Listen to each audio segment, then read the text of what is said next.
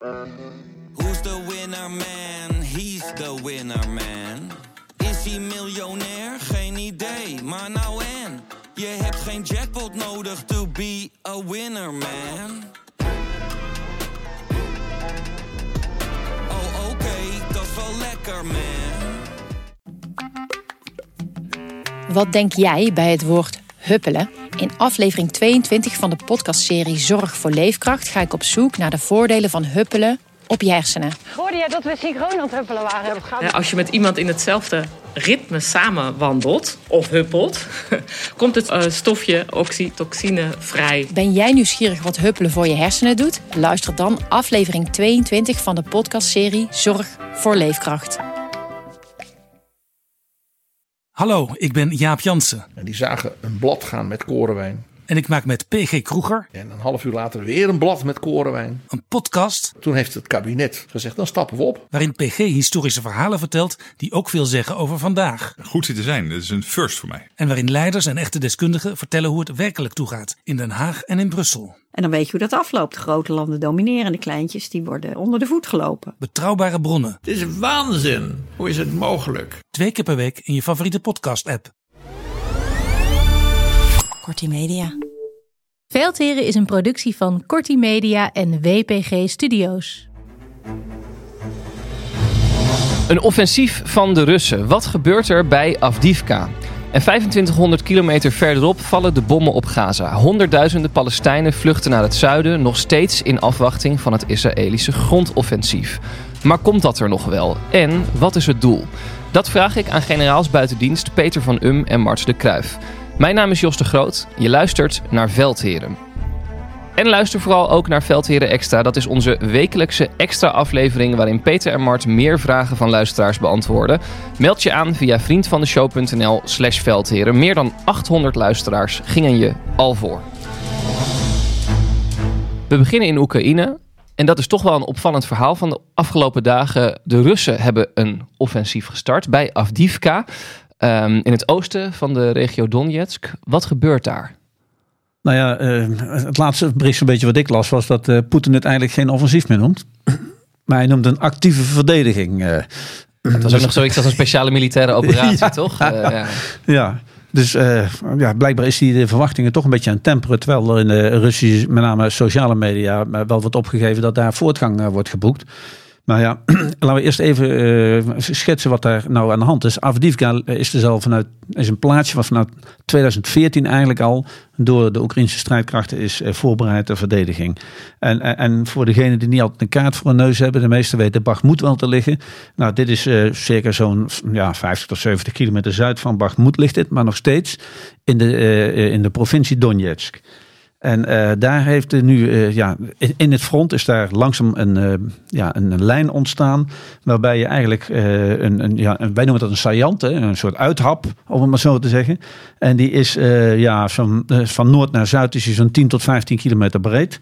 En eh, van, van west naar oost is hij zo'n 15 tot 20, 20 kilometer diep.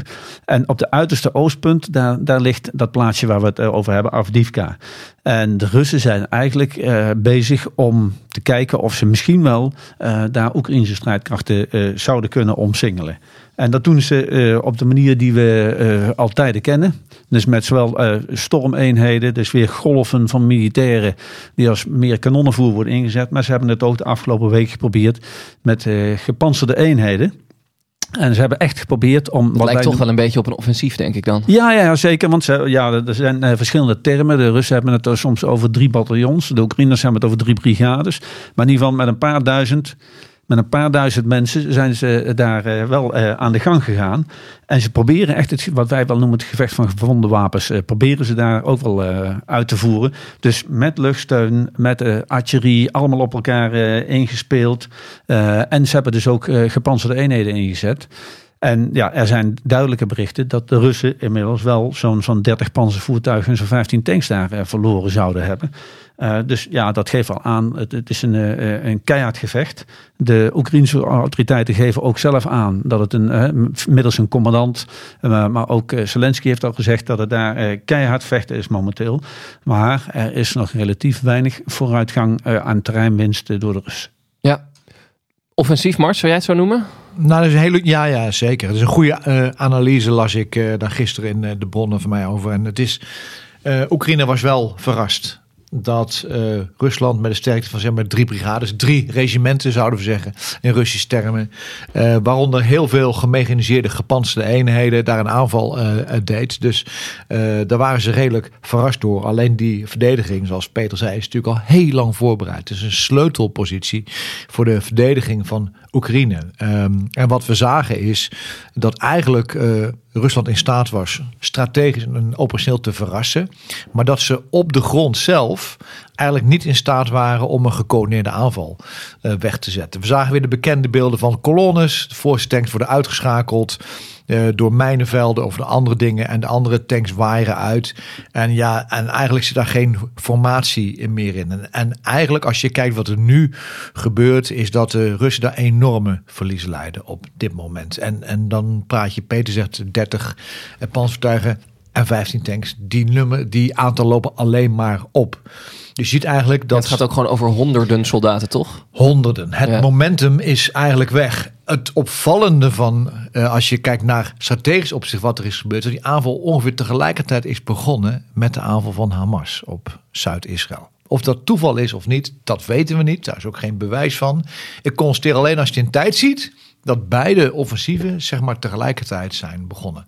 Wat verder opvallend is aan het front, en dat heb ik uit meerdere bronnen, is dat het uh, uh, gebruik van de Russen van artillerie aan het front eigenlijk voor het eerst sinds het begin van de oorlog een lager volume heeft dan van Oekraïne. Oekraïne verschiet meer artilleriegranaten dan dat Rusland doet. En met name in de omgeving van uh, Zaporizhia, dus Robotine, zeg maar, de stoot naar het zuiden, het zwaartepunt, leiden de Russen enorme verliezen in hun artillerie. Uh, misschien ligt daar wel een link met Noord-Korea, want die hebben nog artillerie en die hebben nog uh, munitie, die kunnen daarbij helpen. Maar kortom, er is dus wel degelijk wat aan de hand aan het front. Het staat niet stil. Alleen we hebben even onze focus er niet op. Maar er gebeurt verschrikkelijk veel. En wat wij al een aantal weken zeggen, die slijtage daar is zo hoog en de intensiteit zo hoog. Dat kun je niet volhouden. Het gaat op een gegeven moment gaat het tot breuklijnen leiden. Alleen waar die gaan liggen, dat weten we nog niet. Ja, maar wat we van de Russische en van de Oekraïnse kant horen, dat bij Avdivka de Russen massaal artillerie inzetten. Dus daar uh, hebben ze echt met artillerie uh, enorm veel inzet gepleegd en wordt er continu op uh, Oekraïnse locaties geschoten. Dus daar hebben de Russen artillerietechnisch blijkbaar de overhand. Ja. Jullie vertellen duidelijk over de enorme verliezen van de Russen. Um, wat is nu? Gaan ze door? Zit er een kans van slagen in? Of is dat moeilijk om te zeggen? Ja, dan, dan kijken we toch weer naar de strategische reserves en de vrije reserves die uh, aan de Russische kant er zouden zijn. Uh, ja, dan ga ik, grijp ik toch terug op het 25e uh, leger wat als reserveleger was opgericht, eerder was ingezet dan dat ze echt inzetbaar waren. Verspreid is ingezet. En dat zijn toch duidelijke tekenen dat ze gewoon ja, een beetje alle hens aan dek hebben. En mm. er zijn nu weer de laatste berichten dat er weer uh, divisies van de Russen uh, vrij inzetbaar zouden zijn.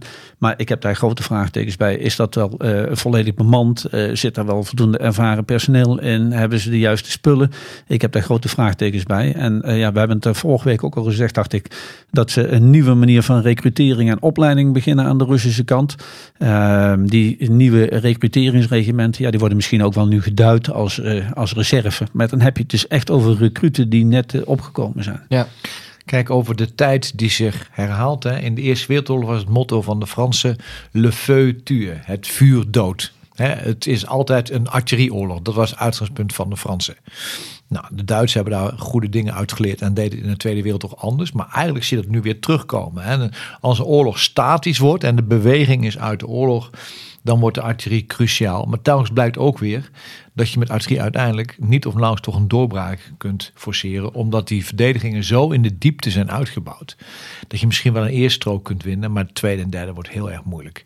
Dus eigenlijk zie je weer de basics van oorlog voeren zie je weer terugkomen. En de grondslagen als verrassing, manoeuvre, als je dat niet kunt, ja, dan kun je eigenlijk nauwelijks deze oorlog, kun je daar op het slagveld kun je succes halen. Ja, en uh, even terug naar Poetin. Hij en zijn uh, kornuiten aan de top, die, eh, die ja, dragen nu ook echt uit dat het Oekraïense offensief eigenlijk stilgevallen is. En hebben eerst uitgedragen dat bij Avdivka zij nu wat zouden gaan doen. En je ziet dat ze dat nou weer downplayen. Um, dus ja, je ziet dat die propagandaoorlog doorgaat. Uh, er zijn ook wel signalen. Uh, dat wordt gezegd dat de Oekraïners nog één keer proberen om uh, echt capaciteit goed neer te zetten. Om Zuid van Saporizhia nog een keer een tik uit te delen. En te kijken of ze daar toch nog weer verder kunnen gaan. Ja, um, ja we, we, zullen zien wat de toekomst gaat brengen. Maar dat is een beetje een constante geweest in onze gesprekken van de afgelopen weken. Hè? Omdat we zien bij de provincie Zaporizhia, daar bij Robotinje, dat het daar veel gebeurt. Ja, we zien in elk geval dat in de logistieke kanalen van uh, Oekraïne zien we nou die eerste uh, middelen uit de Verenigde Staten binnenkomen. Vooral die uh, DPISM. Dat zijn die cluster Sorry, dat ging heel snel. munitie. Ja, dat is die cluster munitie, zeg maar. Maar okay. ik moet ook even voor de militaire vakmensen de afkorting doen. dat is die cluster munitie. En die hebben ze in grote getalen. En ze hebben ook nog steeds heel veel munitie voor de HIMARS. Die ze met afstand en precisie kunnen inzetten. Dus als het zo is dat ze niet alleen een kwantitatief overwicht hebben uh, nogmaals, uit een paar bronnen, maar dat is geen feit. Maar ook nog eens een kwalitatief overwicht.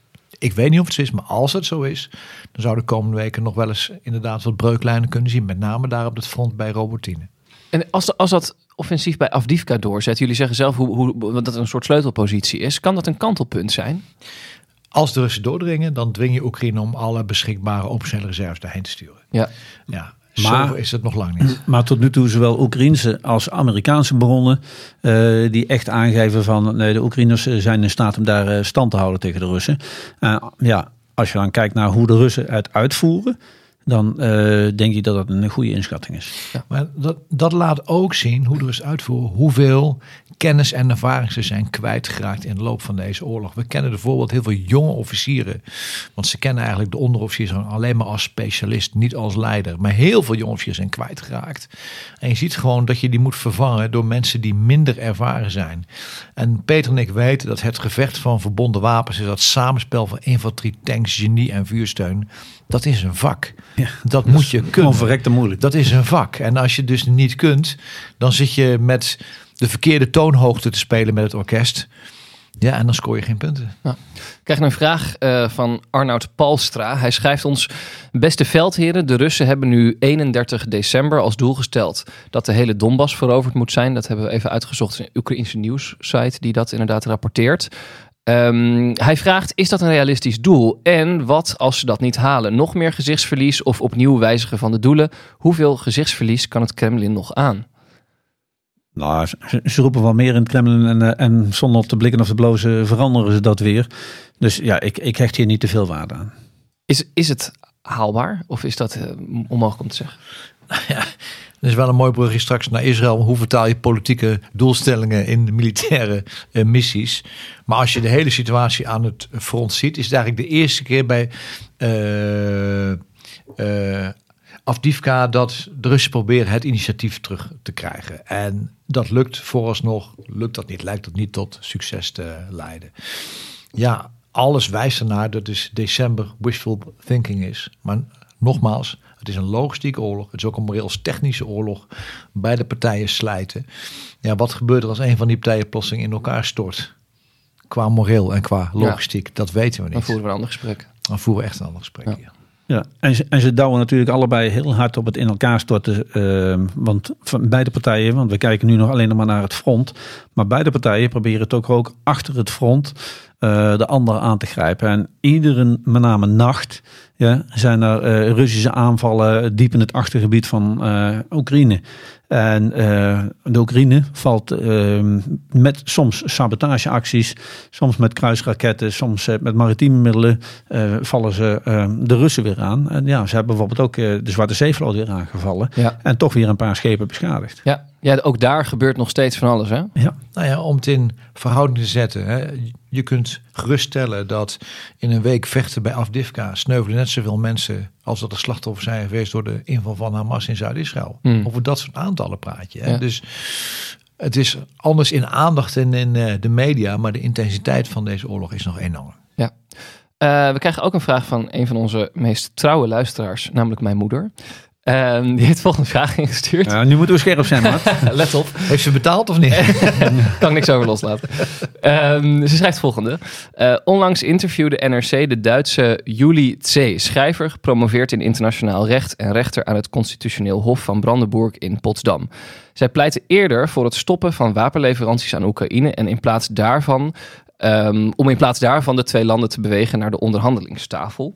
En het staat volgende in NRC, eh, citaat. Wie zich lang met het volkerenrecht en het ontstaan en het oplossen van internationale conflicten beziggehouden heeft, die komt gauw tot de conclusie dat er in de Oekraïne-oorlog hoogstwaarschijnlijk geen duidelijke winnaar zal zijn. Dan blijven drie mogelijkheden over: een uitputtingsoorlog, een escalatie of onderhandelingen. Van die drie mogelijkheden geef ik de voorkeur aan de derde, ook als het natuurlijk de keus tussen pest en cholera is. Vraag is wat jullie bespiegeling daarop is. Nou ja, je, je, je hoeft geen uh, raketgeleerde te zijn om te beseffen dat deze oorlog uh, gewoon heel vervelend is. En dat die gewoon uiteindelijk, ja, zoals het er nu uitziet, nog een tijd voortdabbert. Om het zo maar te met ten koste van heel veel leed. Um, ja, natuurlijk wil je onderhandelingen. Maar als je geen wapenleveranties en, en bredere steun aan het Oekraïnse land en de Oekraïnse strijdkrachten blijft geven en aan het Oekraïnse volk dan uh, kom je misschien wel bij onderhandelingen uit. Maar dan uh, zijn de onderhandelingen uh, totaal uit balans. Want dan geef je Poetin en de zijnen geef je wel een hele gunstige uitgangspositie voor onderhandelingen. En dat lijkt me toch ook niet ideaal. Ik ga hem nog wat scherper stellen. Die onderhandelingen hadden moeten plaatsvinden na 2014. Toen duidelijk was dat Poetin met zijn militaire middelen ook de Oekraïne zou gaan innemen. Toen had Duitsland leiding van Merkel moeten onderhandelen. Dat hebben we helaas niet gedaan. En het falen van het onderhandelen, lees ook indirecte afschrikking, die prijs daarvan wordt nu grotendeels betaald door het Oekraïnse volk. En ik, ik, ik zou er moeite mee hebben om uh, nu uh, alles om te gaan onderhandelen. Wat dat betekent als je op, de, op dit moment gaat doen en met de situatie op het slagveld. Uh, dat je eigenlijk zegt dat al deze offers voor een groot deel te vergeef zijn geweest. En dat is ook de waarheid van deze oorlog. Ja. En wanneer zou er een vruchtbare onderhandelingspositie voor Oekraïne kunnen zijn? Ja, dus als, als, als, als een van de, van de partijen zodanig trein misboekt dat de andere partij zegt: Ik kan hier heel weinig tegenover stellen. Hè? Maar zolang die doelen niet zijn bereikt, is dat niet zo. Maar er, zit ook nog een ander iets achter. Dit is niet alleen de veldtocht in Polen in 1939 met de Tweede Wereldoorlog. Hè. Uh, maar je moet heel goed nadenken. Dus wat gebeurt er als Oekraïne deze oorlog verliest? Wat betekent dat voor ons Westen? Wij steunen niet alleen maar omdat we dat leuk vinden, maar we hebben ook een direct persoonlijk belang bij om dat te doen met z'n allen. Onze uh, vrije wereld staat de discussie. En hoe fragiel dat is, zagen we weer afgelopen week in Israël. Dus daar moet je goed over nadenken. En overigens, natuurlijk willen we allemaal onderhandelen. Alleen we zijn nu helaas te laat. Laten we de aandacht verleggen naar Israël. Um, want er gebeurt veel. Uh, wij nemen nu de podcast op op maandagochtend. Uh, ja, de, de, ontwikkelingen gaan zo snel dat het soms bijna niet bij te houden is. Onze laatste informatie is in ieder geval op dit moment dat het Israëlische grondoffensief nog niet van start is gegaan. En daarvan was de officiële lezing afgelopen week vanwege het weer. Geloven jullie daar iets van? Uh, nee. nee, dat, ze, ze, hebben zoveel ervaring in de Israëlische krijgsmacht uh, met alle weersoorten. Um, dus daar kunnen ze mee omgaan. Dat, dat is uh, niet de reden. Dat is, natuurlijk moet je dat in ogenschouw nemen. Maar ik zag gisteravond geloof ik nog een uh, verslaggever in Tel Aviv live. En het was schitterend weer daar. Ja. De, en dat zal het dan rond de Gaza-strook ook wel zijn. Dus dat is slechts een excuus. Ik denk dat het veel meer gaat over van um, nog meer, nog meer troepen verzamelen, nog beter je voorbereidingen doen voor een grondoffensief. Kijken hoe het met de gijzelaars is. Kunnen we daar wat aan doen? Uh, hoe reageert de wereld? Hoe reageert uh, Hamas in andere gebieden? Hoe reageert Hezbollah? En et cetera.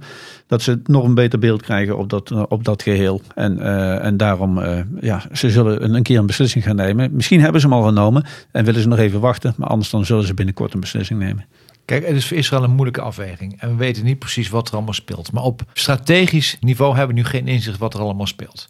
Maar Israël gaat niet uh, de aanval zomaar een dag uitstellen. En ze hadden naar binnen gekund. Elke dag uitstel heeft een groot nadeel. Namelijk dat Hamas zich beter kan voorbereiden op de verdediging. Die kunnen nog meer booby traps in gebouwen zetten. Kunnen nog meer posities voor sluipschutters gaan eh, onderkennen. Daartegenover staat weer dat de Israëlse luchtmacht dan wel doelen kan blijven bestrijden. En ze verkenningen kunnen uitvoeren. Maar in principe als je geen verrassing hebt, wil je zo snel mogelijk naar binnen en met massa naar binnen. Het feit dat het niet gebeurt, betekent dat er achter de schermen kennelijk iets aan de hand is. En wat Peter mij voorkomen is, dat kan niet anders zijn als dat het over de rol gaat van bijvoorbeeld de gijzelaars. En dat het over de rol gaat van gevangenen van Hamas die in Israël zitten. En Israël gaat een hele hoge prijs vragen voor het niet uitvoeren van het grondoffensief. Dus, dus het is maar de vraag of dat ergens toe gaat leiden. Maar ik denk dat we heel duidelijk moeten zijn, als dat grondoffensief er komt, dan komt dat niet half. Dan komt dat met massa. En waarom? Omdat je moet proberen Hamas met overweldigende gevechtskracht zodanig te neutraliseren dat ze minder gecoördineerd kunnen optreden. Dat moet je niet half doen. Dus mijn gevoel is nog steeds dat als er niets concreets uit die onderhandelingen komt, dat er nog steeds een grondoffensief gaan zien. En de Israëli's kopen nu uh, gewoon tijd. En die tijd gebruiken ze om een inlichtingenpositie te verbeteren. Uh, de voorwaarden voor een grondoffensief uh, en voor de duidelijkheid de grondoffensief. Dan wordt er ook in de lucht gewoon gestreden. dus ze kunnen vanuit de zee aanvallen. Dus het is niet alleen grond. Ehm, en, ja, ze gaan hun voorbereidingen beter doen. En heel veel zal gericht zijn op wat krijgen we te weten over die gijzelaars. Dus het is zeer wel denkbaar dat de grondoffensief nog niet aan de gang is. Maar dat er toch hele korte, snelle acties kunnen gaan ontstaan. Met bijvoorbeeld special forces, als ze een locatie hebben uh, weten te vinden waar gijzelaars zijn, om die gijzelaars te bevrijden. Ja. Uh, en dan uh, ja, noem je dat dan al het grondoffensief? Ik denk het niet. dan gaan ze er echt massaal in. Jullie zeiden, zeiden vorige week vrij duidelijk: je kunt een mens uitschakelen, maar een ideologie niet. Wat kan nou eigenlijk het doel zijn van zo'n grondoffensief? Nou ja, Zeker met de massaliteit waar je het over hebt, Mart. We hadden net over het, de discrepantie die soms is tussen politieke doelstelling en militaire missies. De politieke doelstelling zal zoiets zijn als Hamas dermate degraderen dat ze niet in staat zijn. Nee, net in jou heeft het woord ja. uitschakelen. Met, de komende maanden en jaren zeg maar gecoördineerde militaire acties om die uh, uh, te kunnen uitvoeren. Ja, dat is makkelijk gedefinieerd, maar hoe voer je dat uit? En dan moet je echt eh, tot in de infrastructuur van Hamas gaan. Dan moet je de gangen uitschakelen. Dan moet je de voorraadplaatsen van munitie moet je weten te vinden. De voorraden van de raketten moet je weten te vinden. De lanceerinstallatie niet vinden, want die kun je zo maken. Dat is allemaal houtje touwtje werk. Ja, hoe ga je dat doen? Dat is een ontzettend grote opgave. Maar er zit ook iets anders bij. En dat is dat ratio niet altijd hier de boventoon speelt. Wat zouden wij doen in Nederland hè, als wij tijdens een muziekfestival 500 mensen hadden die plotseling zou worden afgeslacht? Hoe zouden wij gaan reageren? Ik, ik zal nooit vergeten dat ik in de Verenigde Staten woon in 2002 na 9-11 en dat ik zag, oeh, wij in Europa, wij onderschatten echt wat 9-11 betekent voor de Amerikaanse psyche. Dat onderschatten we echt. En dat geldt ook in Israël. En wij kijken er nu rationeel naar. Een gedeelte wat er nu gebeurt heeft weinig met ratio te maken, maar met schokken. En dat moeten we goed beseffen wat hier aan de hand is. De Israëli's zijn al uh, meermaals, ik geloof al vier keer, uh, zijn vier ze de Gaza ingegaan. Maar ze hebben ook geprobeerd om toen Hamas eigenlijk uit te schakelen. Maar het is ze niet gelukt. En je kunt Hamas in de Gazastrook misschien uitschakelen. Misschien zou dat nog kunnen, alhoewel ik daar twijfels over heb. Uh, maar dan heb je ze nog steeds uh, op de Westbank, op de Westoever zitten. Je hebt ze nog steeds in Zuid-Libanon zitten. Leiders van Hamas die zitten in Qatar en weet ik waar. Dus uh, die, die bouwen gewoon weer door. Want hier geldt ook uiteindelijk net wat wij in Afghanistan heel veel hebben gehoord van... Jullie hebben de tijd of jullie hebben de klok, maar wij hebben de tijd. Ja. En uh, ja, helaas is ook de leiders van Hamas niet alles gelegen aan de Palestijnse eh, slachtoffers bij de bevolking. Dus ehm, het uitschakelen van Hamas is een mooie, of nou, ik vind eigenlijk geen mooie kreet, is een kreet van Netanyahu en zijn regering. Maar militair is dat bijna niet te behalen. De vraag is dus, zoals wij dat formeel zeggen, wat is de endstate? Wat is de eindsituatie die we bereiken? Dat weten we niet. Overigens, het is wel interessant als je even kijkt naar de geschiedenis van Israël bij het gevecht in orde. Want ik las uh, van de week een aantal uh, artikelen en mensen zeggen. Gevecht dat, in orde is hoe jullie het, het gevecht Ja, in, een, ja. in een stad noemen. Urban hè? operation, zeg Ja, maar. Dat het Israëlisch leger niet zou zijn voorbereid op dit soort gevechten. Nou, daar kunnen we zeggen, dat is echt klinkklare onzin. In 2006 hebben ze Zuid-Libanon binnengevallen met Hezbollah. Daar hebben ze heel veel lessen geleerd. Namelijk dat ze de Hezbollah hebben onderschat in hun vermogen. Om met name in steden en dorpen te vechten. En tunnels te graven en loopgraven te gebruiken.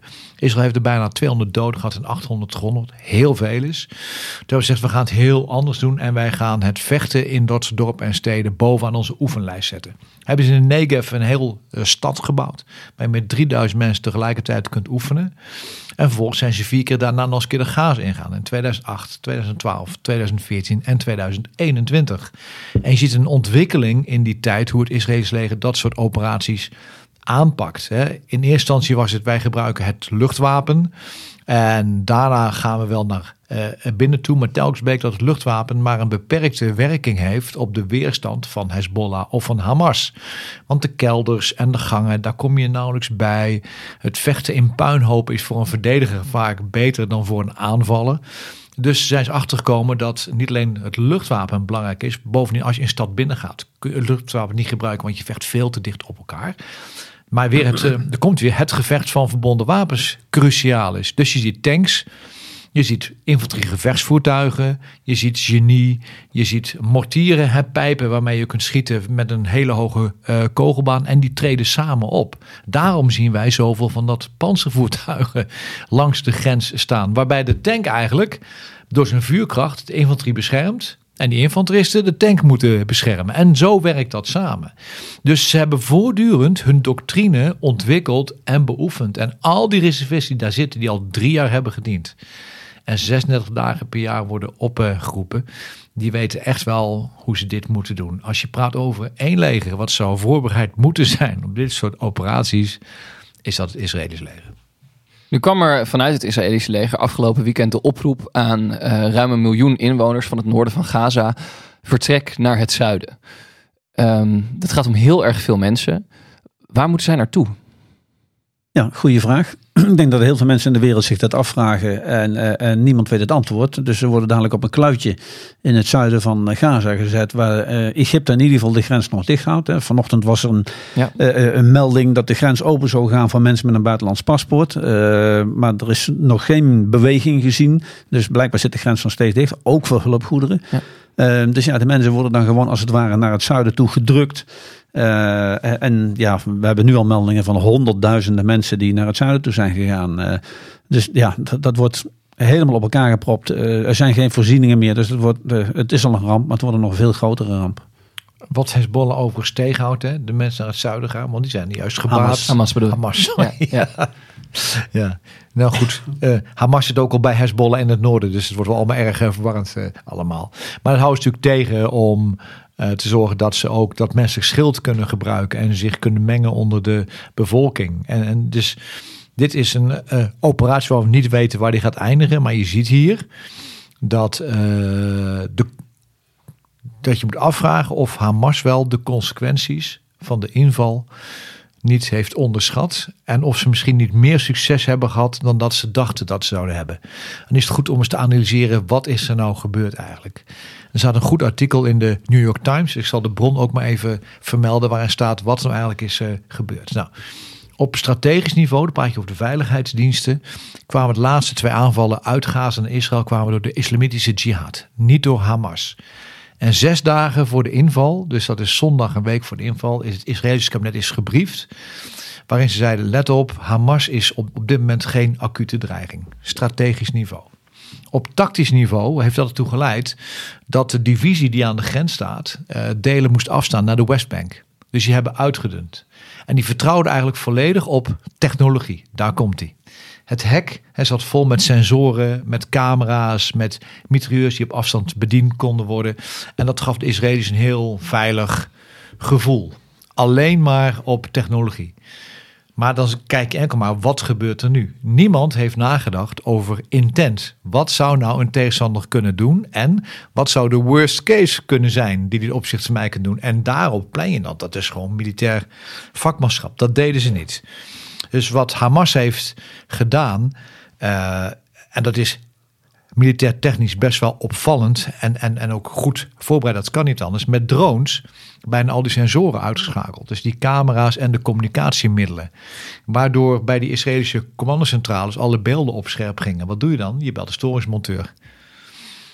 Maar niemand had eraan gedacht dat ze massaal zouden worden aangevallen. Dus vier Israëlische legerbasis, uh, waarvan ook nog eens keer op één basis alle commandanten bij elkaar waren vanwege een feestdag, zijn over, overlopen door Hamas. En Israëlische soldaten zijn in hun bed doodgeschoten door de Hamas. Zo verrast waren ze.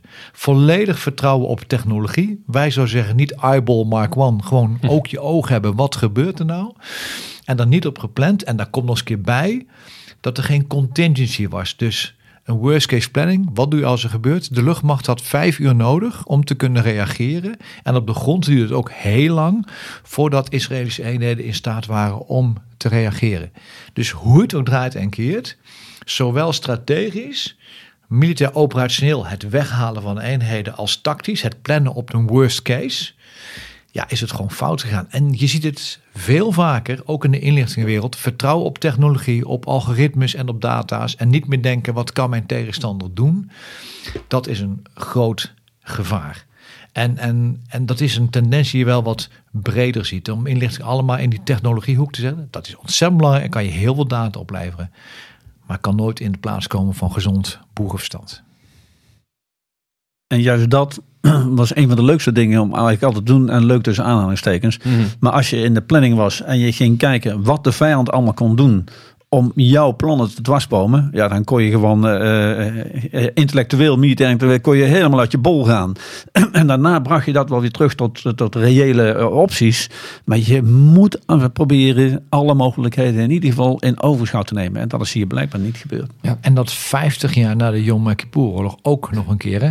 Weer tijdens een feestdag. Dus dat blijft onbegrijpelijk eigenlijk. Nou, ik dit gaat consequenties hebben. Niet in deze fase. Israël moet nu verenigd optreden. Maar ik denk zelf dat. Maar goed, dat is een militair die uitspraak over de politiek. Dat Netanyahu zijn positie uiteindelijk niet eh, kan houden. Dit, is, dit, is, dit, dit gaat zo diep. Dit is zo fout gegaan. Daar wordt iemand voor verantwoordelijk gehouden. Ja. Uh, ik wil graag even naar een luisteraarsvraag van uh, Nienke Zwier. Uh, zij schrijft ons: Ik heb een vraag met betrekking tot de oorlog tussen Hamas en Israël in Gaza. Ik had gehoord dat Egypte bij een vorig conflict de Palestijnen opving. Dit doen ze nu niet, of nog niet in ieder geval met onze huidige informatie. Wat is de reden daarachter? Een van de drama's van het Palestijnse volk is dat de Arabieren altijd roepen dat ze solidair zijn, maar eigenlijk al 60 jaar heel weinig doen voor het Palestijnse volk. En dat doen ze ook uit eigen angst, uit destabilisatie, bijvoorbeeld in Israël of in uh, Egypte, dat ze Hamas-strijders binnenkomen met een regime wat ook is gebaseerd op uh, onderdrukking. Maar soms ook uit langmoedigheid, dat is gewoon heel weinig boeit.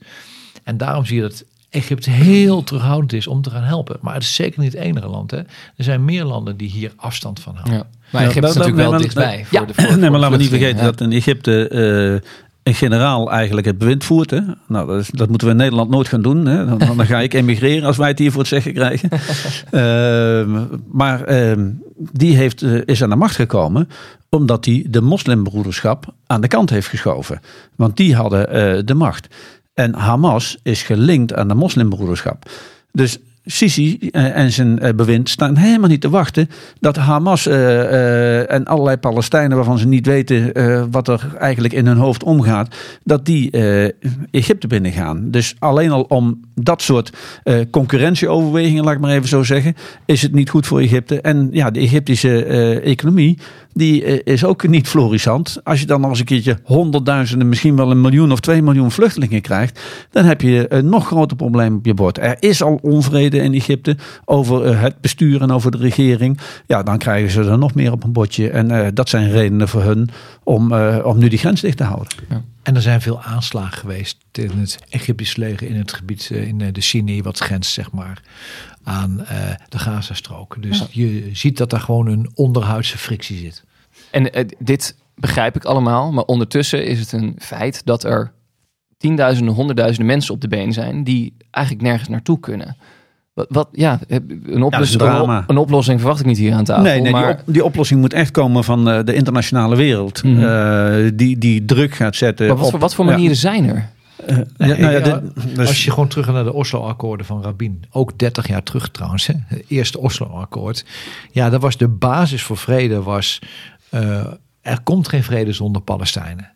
En eigenlijk leidde dat tot een twee staten of een, een twee staten optie waarbij je zegt Israël en Palestina in de Gaza en in de Westbank leven naast elkaar.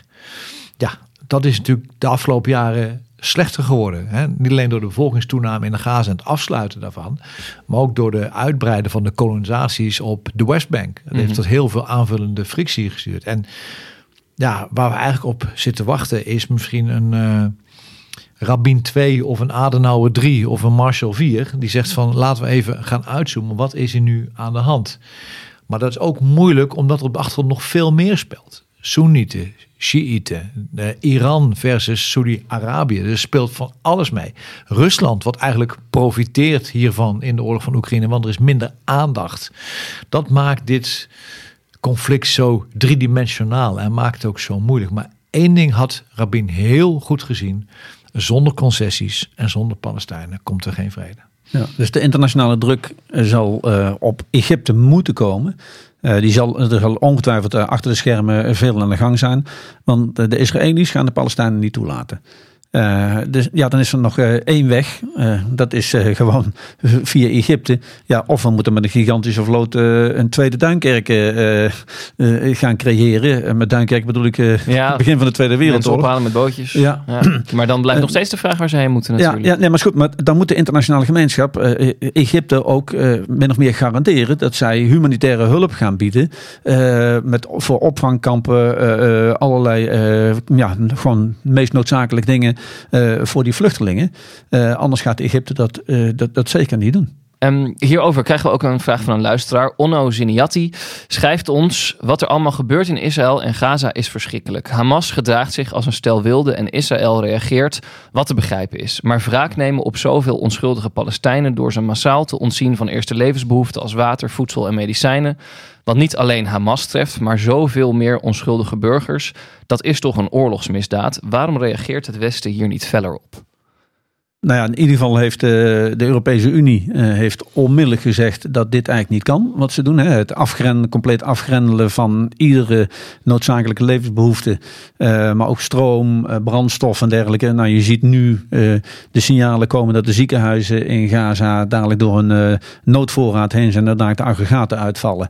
Ja, dan kunnen ze een heleboel mensen niet meer behandelen. Dus ehm, de EU heeft daar gelijk op gereageerd. Ik denk dat de Amerikanen ook druk op de Israëli's hebben gezet. Maar tot nu toe eh, hebben ze hun lijn niet veranderd. En eh, dit, dit kan eh, en mag gewoon niet volgens de internationale regels. En toch gebeurt het.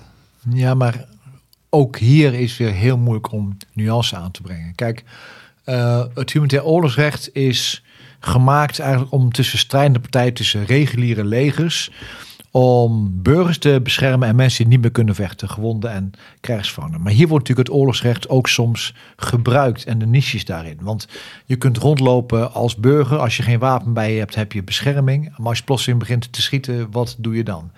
Dat maakt deze oorlog al moeilijk. We weten ook dat er jarenlang een bewuste strategie is gehad, net zoals de ultra-orthodoxe Joden in Israël, dat eh, Palestijnse leiders zeggen: eh, zorg dat je zo groot mogelijke families en gezinnen krijgt, want dat maakt uiteindelijk onze positie sterker. Speelt voor alles mee, ook op de achtergrond.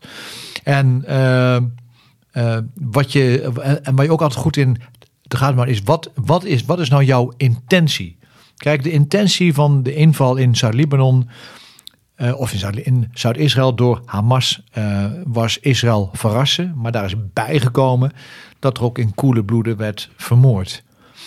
Uh, maar je kunt er geen bodycounting van maken. Want als je uh, Gazastad moet bombarderen omdat je militaire doelen moet aanvallen, dan is het bijna onmogelijk om geen burgers te treffen. Dus dan zit je in het dilemma: doe ik het?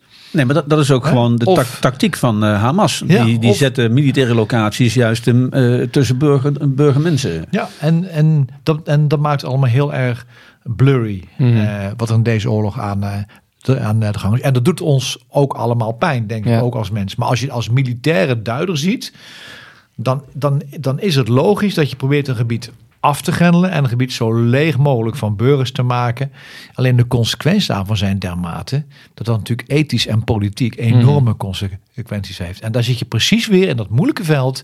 Wat vraagt de politiek van ons? De politiek vraagt, breek de ruggraat van Hamas. Dan zeg je militair, maar dan moet ik dit gaan doen. Maar dat gaat consequenties hebben. Ja. Ja, in dat dilemma zitten we nu. Want precies, want het is tegelijkertijd waar, ja, Hamas eh, nou, hanteert een tactiek van een menselijk schild door middel van burgers. Maar ondertussen worden daar wel bommen op gegooid. Dat, dat is wel, dat gebeurt Ja, dat is de realiteit. Ja, dat, dat gebeurt dus eh, gewoon. En eh, dat, dat is verschrikkelijk. En de vraag is dus, wat gaat dit voor een effect hebben voor eh, de internationale positie of de positie van Israël in de internationale Mhm. wereld? Eh, en hoe gaan wij daar met z'n allen op reageren? En het zou heel goed mogelijk kunnen zijn dat dat een van de redenen is waarom de Israëli's nog steeds wachten met een grondoffensief. Om vooral voor te zorgen dat zoveel mogelijk burgers uit het noorden van Gaza weg zijn. Zodat ze eh, minder eh, reactie van de internationale wereld krijgen. En misschien hopen ze ook wel dat ze zo wegkomen met, bij Hezbollah. Mhm. Omdat eh, het nu een, dadelijk een soort militair geaard conflict wordt. waar de burgers allemaal zijn vertrokken. Zodat Hezbollah minder reden heeft om zich daarmee te bemoeien. Ja.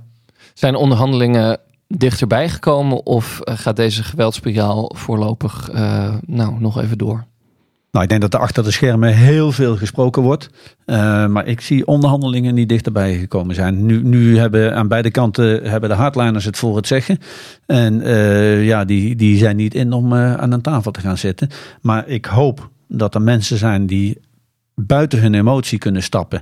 En dat die niet alleen met korte termijn eh, doelen voor ogen bezig zijn, maar dat er ook mensen zijn die over de langere termijn nadenken. Want eh, ja, we proberen het al, wat is het, 60, 70 jaar. Maar eh, er moet een keer een oplossing komen aan die onderhandelingstafel. en waarbij we toch ja, in enige eh, met elkaar gaan samenleven. Ja. Wa- Wat ik trouwens wel interessant vond, was dat eh, Biden en ook zijn minister van Buitenlandse Zaken, Blinken, nu de afgelopen dagen vrij duidelijk hadden gezegd: eh, we streven naar een Palestijnse staat.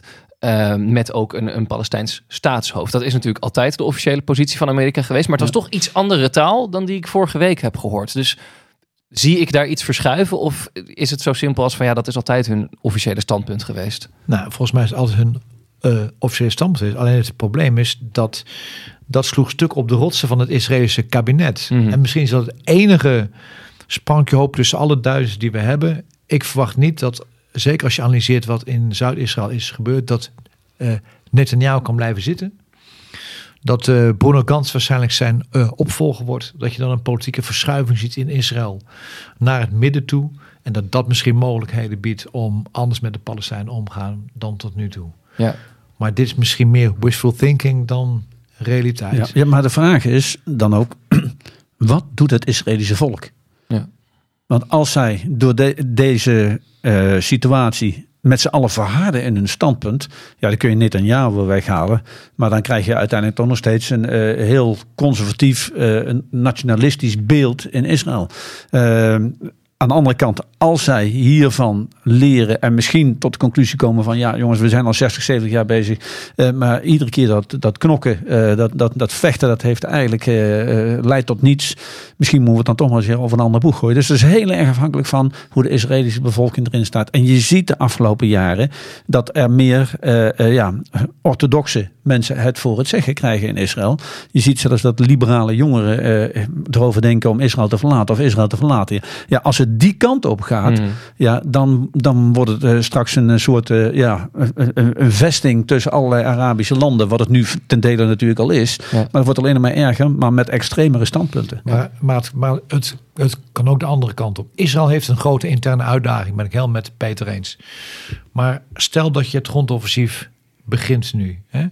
De jongens die daar sneuvelen, zijn niet de ultra-orthodoxe jongens. Overigens, orthodoxen kunnen wel in dienst. Ultra-orthodox mogen kiezen of ze in dienst gaan. Doen Ja. het meestal niet. Hè? Betalen geen belasting, kunnen leven wij aan de Torah en, en gaan niet in dienst. Dat gaat natuurlijk ook tot spanning luisteren, leiden binnen zo'n gemeenschap van jullie staan langs de kant, jullie doen niks. Wij betalen de offers voor jullie politiek. Je moet iemand hebben die het land kan verenigen of heel duidelijk zijn in wat de toekomst van eh, Israël is. En Israël moet het intern oplossen, net als dat Hamas dat intern moet oplossen met de islamitische jihad en, en met Soenieten en met Shiiten en met Iran en Saudi-Arabië. En dat maakt dit, deze oorlog zo ongelooflijk moeilijk. En tot die tijd, tot het niet duidelijk is, heeft Israël maar één garantie voor toekomst. En het is een sterke krijgsmacht. Dat is een slagzwaard. Anders heeft Israël geen toekomst. Maar dus in deze con- context wordt er in Israël en in de omgeving wordt er geschaakt op meerdere borden. Maar uiteindelijk heeft dat allemaal effect over de, de schaakborden die op het wereldtoneel liggen. Want dit, dit, reikt, dit conflict reikt zoveel verder. En dit raakt aan de verhoudingen tussen de Shiiten en de Soenieten, zoals Mart zegt. Maar ook tussen de Arabische wereld en de Westerse wereld. Eh, En eh, in Moskou hebben we iemand zitten die is nu lachende derde. Dus, dus dit, dit raakt aan alle kanten. Ja, die Eh, neemt een wodkaartje extra. Dus dat eh, ja. Nou, hoe, hoe ver dit conflict reikt, dat zien we natuurlijk ook wel eh, de afgelopen dagen. Hè. We hebben het nu eh, vrij technisch en praktisch eh, besproken, maar er gaan heel veel emoties mee gepaard. Hè. Eh, in Amsterdam natuurlijk een grote pro-Palestina-demonstratie. In Berlijn waren er berichten dat er Davidsterren op de huizen van Joodse inwoners zouden zijn gekalkt. Maakt dat het voor jullie ook lastiger om te duiden? Nou, voor mijzelf niet. Eh, maar je moet wel beseffen dat als je naar de achtergrond van de mensen kijkt, dat Israël nooit meer een Shoah wil meemaken. Nooit meer. En dat, daarom heeft ook zoveel impact wat er is gebeurd. Hè? Als Israëli's, ik praat niet over Joden, als Israëli's en ook buitenlanders zo worden afgeslacht zoals is gebeurd, dan liggen de parallellen voor het oprapen natuurlijk. En toen keek de wereld ook de andere kant uit. Mm. Dus Israël is altijd uitgegaan van wij moeten het zelf doen, want niemand anders gaat ons helpen. En dus de oplossing ligt ook alleen maar in een internationale, breed gedragen oplossing met allemaal veiligheidsgaranties. Anders krijg je daar geen duurzame vrede. Ik wil graag eh, afsluiten met een vraag van luisteraar Dennis Robel, vaste luisteraar. Die stuurt eh, vaker vragen in. Hij schrijft ons... eh, ik vraag mij met grote zorgen af hoe groot de kans is dat het conflict tussen Israël en Hamas zich verder uitbreidt in de regio. Zeker kijkend naar de beschietingen nu ook vanuit Hezbollah uit Libanon. Gaan we straks in een tijd leven waarin overal conflicten zijn? Iedereen heeft zijn focus op Oekraïne en Israël. Is dit een kans voor China om zich te gaan richten op Taiwan? Ik denk dat dit een zorg is die veel mensen hebben. Ja, de, de wereldorde is aan het veranderen. We hebben eh, decennia lang eh, ehm, ja, een bilaterale verhouding gehad tussen Warschau-pact en Amerika. Warschau-pact is uit elkaar gevallen. Rusland is nu het rotzooien, om maar zo te zeggen. Uh, we zien dat China enorm opkomt. Vergeet India niet. Dus de hele wereldorde is aan het veranderen. En het is gewoon, kijk naar de geschiedenis. Dit zijn de periodes waarin er van alles fout kan gaan. En er ook kleinere conflicten die anders door die grote machthebbers gedempt worden. Die, zie, die kunnen nu makkelijker ontstaan. En uh, ja, ik, ik heb al vaker gezegd, de enige zekerheid die ik de mensen kan geven, is dat de onzekerheid toeneemt. En we zullen er met z'n allen moet, mee moeten leren omgaan. Niks aan toe te voegen, Mart. Ik heb daar niks aan toe te voegen. Alleen wat ik wel een beetje mis, is dat vertalen in politiek handelen. Mm. Wij lopen altijd om een of andere reden achter de feiten aan en we komen niet voor de feiten uit. En het is hard nodig dat we ook in de politiek eens proberen uit te kijken wat gaat de komende 10, 20 jaar op ons afkomen. Wat betekent dat voor ons? En misschien leidt het tot pijnlijke maatregelen, maar het is wel nodig om een veilige wereld voor onze kinderen en kleinkinderen te houden. Hoe denken jullie dat we hier volgende week zitten? Nee, wacht, we zitten hier vol volgende week nemen we digitaal op. Um, omdat jij in het buitenland zit, Mart. Um, ja, ja, dat is bijna uh, onmogelijk om te voorspellen waar we het waar we Ik ga mijn moeten. bronnen raadplegen in de Verenigde Staten. Precies. jij, jij gaat even langs bij het Pentagon, toch? Ja. Ik geef een buurten. Ja.